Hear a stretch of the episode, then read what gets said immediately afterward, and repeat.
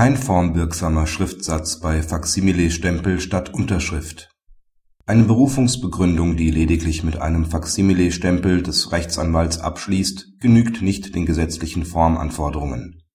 Die Berufung ist dann unzulässig. Arbeitgeber und Arbeitnehmer beenden einvernehmlich das Arbeitsverhältnis. Der Arbeitnehmer verklagt später seinen ehemaligen Arbeitgeber auf Zahlung von 450.000 Euro. Den Anspruch begründet er mit einer Regelung aus der Aufhebungsvereinbarung, wonach er für die erfolgreiche Veräußerung von Geschäftsanteilen der Gesellschaft eine Erfolgsprämie erhält. Das Arbeitsgericht weist die Klage ab. Der Rechtsanwalt des Arbeitnehmers legt dagegen am 18.02.2008 Berufung ein. Am 20.03.2008 ist der Anwalt nicht im Büro er weist seine Sekretärin an, den abgestimmten und von ihm durchgesehenen Schriftsatz an das Gericht zu faxen. Auf seine Weisung hin versieht die Sekretärin die Berufungsbegründung mit einem Faksimile-Stempel. Die Versendung per Fax bleibt am 20.03.2008 und am 25.03.2008 erfolglos, weil das Faxgerät des LAG überlastet ist. Am 25.03.2008, der Dienstag nach Ostern und der Tag des Fristablaufs geht die Berufungsbegründung vom 20.03.2008 mit Faksimile-Stempel per Post beim LAG ein. Das Gericht verwirft die Berufung als unzulässig. Die hiergegen gerichtete Revision des Arbeitnehmers weist das BAG als unbegründet zurück. Das LAG hat die Berufung zu Recht als unzulässig verworfen, weil die Berufung nicht wirksam begründet ist. Nach ständiger Rechtsprechung sämtlicher Gerichtshöfe des Bundes muss eine Berufungsbegründung als bestimmender Schriftsatz die eigenhändige Unterschrift des Verantwortlichen tragen. Der mandatierte und verantwortliche Rechtsanwalt muss die Berufungsbegründung selbst unterschreiben. Die Unterschrift ermöglicht nicht nur die Identifizierung des Urhebers, sondern bringt zugleich dessen Willen zum Ausdruck, die Verantwortung für den Inhalt des Schriftsatzes zu übernehmen. Das Anbringen eines Unterschriftenstempels genügt dem Formerfordernis aber nicht. Zwar heißt es in § 130 Nr. 6 ZPO dass Schriftsätze eine Unterschrift enthalten sollen, das wird jedoch seit jeher als müssen interpretiert. Das Unterschriftserfordernis kennt mit der zulässigen Übermittlung per Telegramm, Telefax und nicht ganz unproblematisch per Computerfax Ausnahmen, die dem technischen Fortschritt geschuldet sind.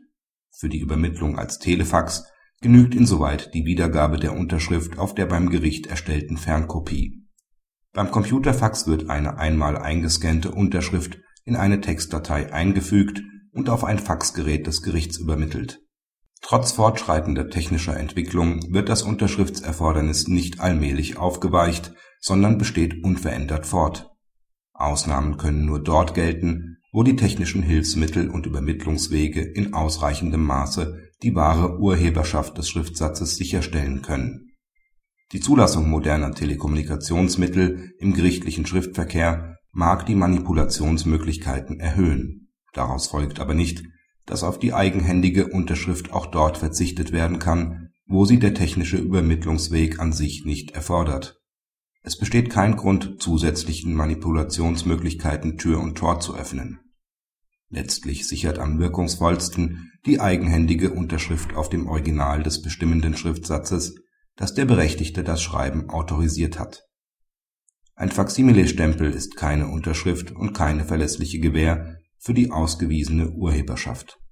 Ein Faksimile-Stempel kann die Unterschrift auch nicht deshalb ersetzen, weil nur in der Rechtsprechung die eigenhändige Blanko-Unterschrift für zulässig erachtet wurde. Auch die Blanko-Unterschrift gewährt nicht die eigenverantwortliche Prüfung des Schriftsatzes, sie ist aber immerhin eigenhändig der Faksimile-Stempel ist schon deswegen nicht mit einer Blanko-Unterschrift zu vergleichen.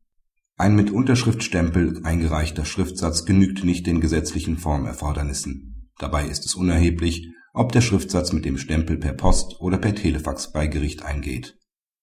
Die Versendung durch die Sekretärin auf beiden Übermittlungswegen ist im vorliegenden Fall also bedeutungslos. Der Rechtsanwalt hat hier mehrere Möglichkeiten, einen formwirksamen Schriftsatz an das Gericht zu übersenden er hätte ihn einem Kollegen in seinem Büro schicken und die Prüfung und Unterschriftsleistung übertragen können.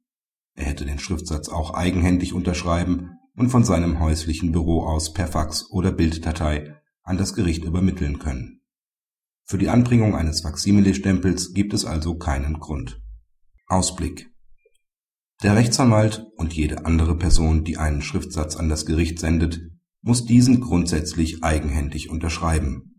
Lediglich beim Telefax und Telegramm ist der Eingang einer Originalunterschrift bei Gericht verzichtbar. Im Hinblick auf die Versendung als Computerfax bleibt die weitere Entwicklung abzuwarten. Ob diese dem Formerfordernis genügt, ist noch nicht abschließend geklärt. Jede andere Form der Schriftsatzautorisation ist unzulässig